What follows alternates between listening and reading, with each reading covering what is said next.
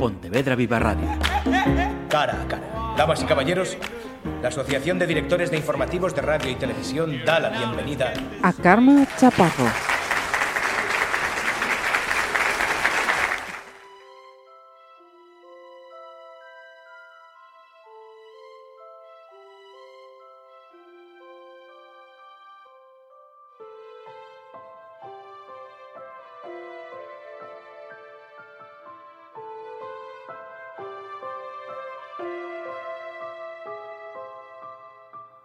El primer cuerpo cae con un ligero adelanto. Son apenas unos segundos, pero tiempo suficiente para romper la estudiada coreografía prevista por el maestro de ceremonias que chasca la lengua con desagrado. Al chocar contra la acera provoca un ruido extraño, casi musical. No como lo que se supone que es el fin de algo, sino más bien como el comienzo. Un cuerpo haciéndose añicos suena a una extraña mezcla de algo duro rompiéndose y algo blando estallando, todo a la vez. El primer ser humano revienta contra el asfalto a las 10 y 42 minutos de la noche del domingo 2 de junio. Un hombre que camina al otro lado de la plaza levanta instintivamente la vista.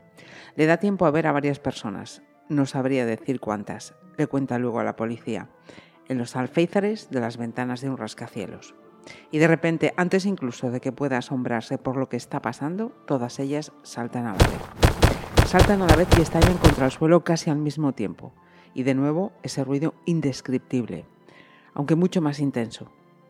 Esta cálida noche en Madrid, 10 personas se arrojan al vacío desde 10 habitaciones de la planta séptima del hotel que preside la Plaza de España, uno de los más lujosos de la capital.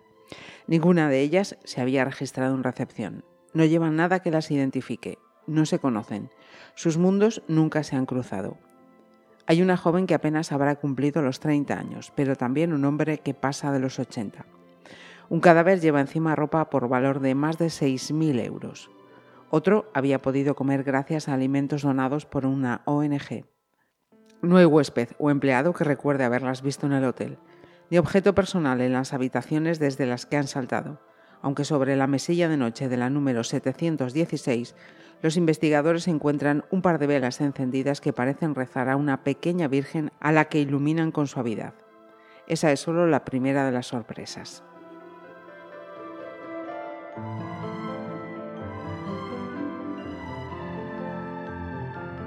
Hace un mes aproximadamente, una semanita por ahí arriba, que se puso en librerías Delito, la última novela de la periodista Karma Chaparro. ¿Y mm, cómo será esta novela? Que antes de hacer la primera pregunta voy a saludar a su autora. Gracias por tu tiempo, lo primero, Carmen. Gracias a ti por llamarme y por compartir un rato conmigo. Encantada. Eh, decía, un mes, una semanita por arriba, pero ¿cuántas ediciones lleva ya Delito? Cuatro, cuatro y muy grandes. Así que estoy inmensamente feliz y muy gratamente sorprendida por la avalancha de cariño y de lectores que ha traído consigo Delito. Muchos además nuevos que no me habían leído en la trilogía de Ana Aren, así que maravillosamente feliz. Qué poco previsible debo ser porque me acabas de responder ya a las dos siguientes eh, preguntas. Ah. Sin herencia de Ana Aren y, muchos, muchos libros supone eso. Lo cierto es que eh, Delito arranca de una forma muy impactante. Diez personas que en el mismo momento, digamos, se precipitan desde diez habitaciones de un hotel madrileño. El por qué sucede todo esto eh, llega hasta el punto final de, de la historia. Y os digo, no es para quedar bien que no os vais a desenganchar hasta la última página. Pregunto a Karma. Una historia de ficción que podría ser tan real como cuenta iluminada una de las periodistas de esta novela. Bueno, y es que la vida es peor que la realidad. Las cosas que a mí me cuentan amigas, policías, juezas o jueces, fiscales, gente que está en investigación de crímenes, siempre superan a cualquier cosa, por muy disparatada que sea, que se nos pueda ocurrir a la gente que hacemos ficción. Así que yo creo que nosotros nos solemos contener mucho, ¿sabes? Solemos decir, no, no, aquí ya no porque me estoy pasando, igual el lector no se lo cree. Pero, pero vamos, que, que yo creo que es peor la realidad que la ficción. Hay muchos temas que se van colando por las páginas de, delito. Um, por ejemplo, en el caso de mm, que atañe a la, sanidad, la sanidad pública además, ¿has aprovechado para hacer una, denuncia, una crítica, un tirón de orejas, una llamada de atención? Bueno, la novela negra se nutre de la, se nutre de la realidad, se nutre de los crímenes, y se nutre de lo que pasa en la sociedad y e históricamente siempre ha sido así, ¿no? Las primeras novelas negras también tenían una buena dosis de crítica social. En esta historia suceden cosas que están eh, muy, digamos, no solo ancladas a la realidad, sino que son la realidad misma. Entonces, eh, hay una trama que tiene que ver con la sanidad, en la que evidentemente hay cierta crítica porque los personajes así lo exigen, ¿no? porque el momento de la historia así lo exige, a pues, las guardias de 24 horas en las que hay un médico que dice, es que yo llevo 20 horas despierto, me viene un chico que acaba de tener un accidente de moto y de mi pericia, de, la, de lo despierto que esté, de lo rapidez, la rapidez con la que actúe, le puedo salvar o no la vida. Eh, mi sueño puede influir en que ese chico muera, ¿no? O las listas de espera o el poco tiempo que tienen los médicos de primaria para, atender a los pacientes. Entonces, bueno, pues ya que teníamos la trama, eh, los médicos que participan en ella han aprovechado para dar un buen tirón de orejas. Bien. Y mm, también nos habla uh, Karma de, de, los trasplantes, que hay que decir además que es una cuestión que nos, nos deja bien a la sociedad española dentro de todo lo que pasa. Es la sociedad más altruista del mundo. España es el país con más donaciones de órganos por habitante del mundo. Es decir, que somos los más generosos porque no es fácil cuando te vienen a decir que un familiar ha muerto ah, tener ese arrojo, ¿no? De, pues sí, sus órganos. Pero luego tenemos el sistema de trasplantes más robusto porque por mucho que alguien quisiera donar los órganos de un ser querido, si ese corazón, esos riñones no llegan a la persona que lo está esperando en la otra punta del país en un tiempo muy corto, eso no serviría de nada. Así que hay toda una ingeniería humana, eh, desde los administrativos hasta pilotos de avión y de helicóptero, los médicos, todo el equipo sanitario, eh, muchísimas personas que hacen que esa persona que iba a morir, porque tenía un corazón que funcionaba muy mal, reciba el corazón de otra persona gracias a la generosidad de sus familias y, de, del fallecido, que a veces ya ha dejado un, testamento de últimas voluntades escrito y que pueda seguir viviendo. Y eso que tiene un, un coste económico inasumible para prácticamente todo el mundo, a no ser que seas multimillonario, pero que aunque lo fuera, si no hubiera esta red que pusiera a disposición el órgano que le hace falta a esa persona en concreto y además a la persona a quien más le hace falta porque realmente eh, su vida corre peligro, tampoco serviría de nada el dinero. Por lo tanto, es algo que nos define como sociedad, eh, que nos eh, dice que somos una sociedad maravillosa, que desconocemos muchos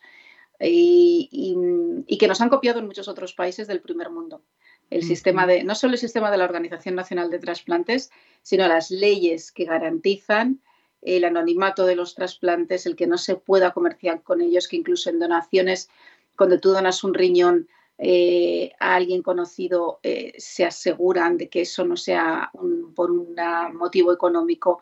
Por lo tanto, es algo por lo que sacar pecho y estar orgullosos. ¿Cómo llega Carmen Chaparro a Shiroishi? Que lo he descubierto contigo, tengo que decirlo. Ay, hay muchos lectores que lo han descubierto, luego todo el mundo me dice, ay, que voy a buscarlo en Google, lo he buscado en Google y existe de verdad. Digo, pues claro, todo lo que saco en mis novelas existe de verdad y cualquier cosa que busquéis, las patatas fritas que hablan también existen de verdad. Por lo tanto, pues es un personaje histórico al que a mí me gusta mucho leer ensayos, sobre todo de ciencia, pero en este caso lo leí en un reportaje, no me acuerdo de si era de la revista Time, eh, pues alguna revista americana un poco, pues eso, ¿no? Eh, diciendo que los americanos actuaron muy mal, justificando que los americanos actuaron muy mal después de la Segunda Guerra Mundial porque en Europa juzgamos a los nazis y no nos quedamos con los resultados de sus experimentos y en Estados Unidos no juzgaron a los criminales japoneses, los ocultaron y eh, utilizaron a cambio los resultados de sus experimentos sobre la resistencia del cuerpo humano para, para crear armas tan potentes como las que usaron luego, por ejemplo, en Vietnam. Por microbiología, después de la Segunda Guerra Mundial, los estadounidenses fueron tan adelantados, porque copiaron las técnicas de un monstruo, a cambio de perdonar al monstruo. En Delito, además, nos encontramos a mm, Karma Chaparro, escritora, y a la Karma Chaparro, eh, periodista. Y si se trabaja en esta profesión, hay algunas páginas en las que dice uno, ¿cómo, me sentiría yo en ese momento? Lamentablemente brutal, pero cuidadito, ¿eh? Sí, bueno, pues al final siempre acaba viendo un periodista en mis novelas porque es mi trabajo, es de lo que sé y genera mucha curiosidad también al lector, ¿no? Todo lo que hay, porque el lector ve la cobertura del pastel, pero no ve de qué está relleno todo lo que ha costado formar ese pastel. Y, en este caso, pues como había en un momento de la novela hay una especie de carrera por una exclusiva mm, bombazo televisivo, pues eh, bueno, pues los personajes eh, muestran al lector lo que hay detrás. Y además lo hago con cierta crítica a veces, porque mm, sí, que es cierto que hay momentos que yo creo que estamos utilizando mal la profesión, una profesión que debería ser, no voy a utilizar la palabra sagrada, porque, pero sí que tenemos una deuda muy importante con la sociedad, un deber moral con la sociedad siendo periodistas, igual que lo tienen los médicos de curarnos. Nosotros tenemos eh, el deber moral de contar las cosas, no de manera objetiva, porque la objetividad no existe, pero sí de la manera más profesional posible. Y hay veces en que se está primando cierto espectáculo y mezclando con información cuando no lo es y se debería dejar muy claro. Qué debate tan prolongado y extenso podríamos entrar ahí. Menudo melón, menudo melón. Vamos, menudo melón. eh, violaciones, suicidio, enfermedades degenerativas.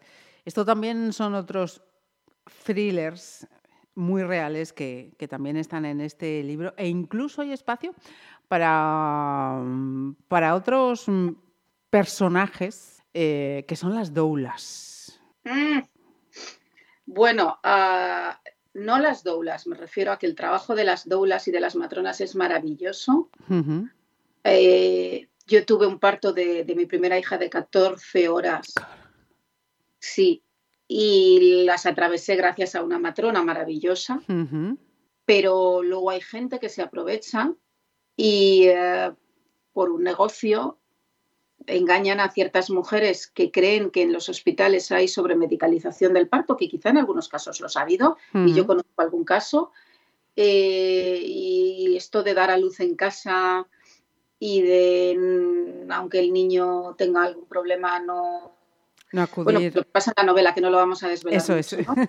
Eh, pero, pero es que tú vas a dar a luz en casa y en 99 partos saldrá bien, pero en uno de cada 100 no vas a llegar a tiempo al hospital o para salvarte a ti o para salvar a tu hijo o para salvar a tu hijo de unas lesiones muy graves.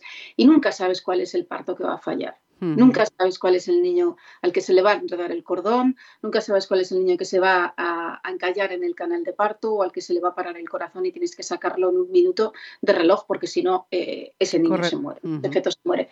Por lo tanto, eh, jugar con el miedo de las madres, de las embarazadas, que todos yo lo he tenido, ¿no? Pero jugar con eso y pretender que volvamos a dar a luz como en la prehistoria con todos los riesgos, con la prehistoria como hace 50, 60 años, con mm. todos los riesgos que, que, que, hay si no estás en un hospital, además un hospital con una unidad neonatal, porque hay que tener todo previsto, una UCI neonatal por si acaso, si no estás ahí, eh, bueno, pues te arriesgas a, a perder a tu hijo o a morirte tú misma. A todos estos eh, ingredientes que estamos eh, apuntando hay que añadir oh, pasión, amor, odio, venganza y, encaja todo perfectamente hasta, como decía Karma, una bolsa de patatas fritas que hablen. Todo encaja perfectamente. Hay una cosa que me ha parecido entender, no sé si bien o mal, y que he leído en, en Delito, ¿se llevará a televisión? Espero, estamos en ello.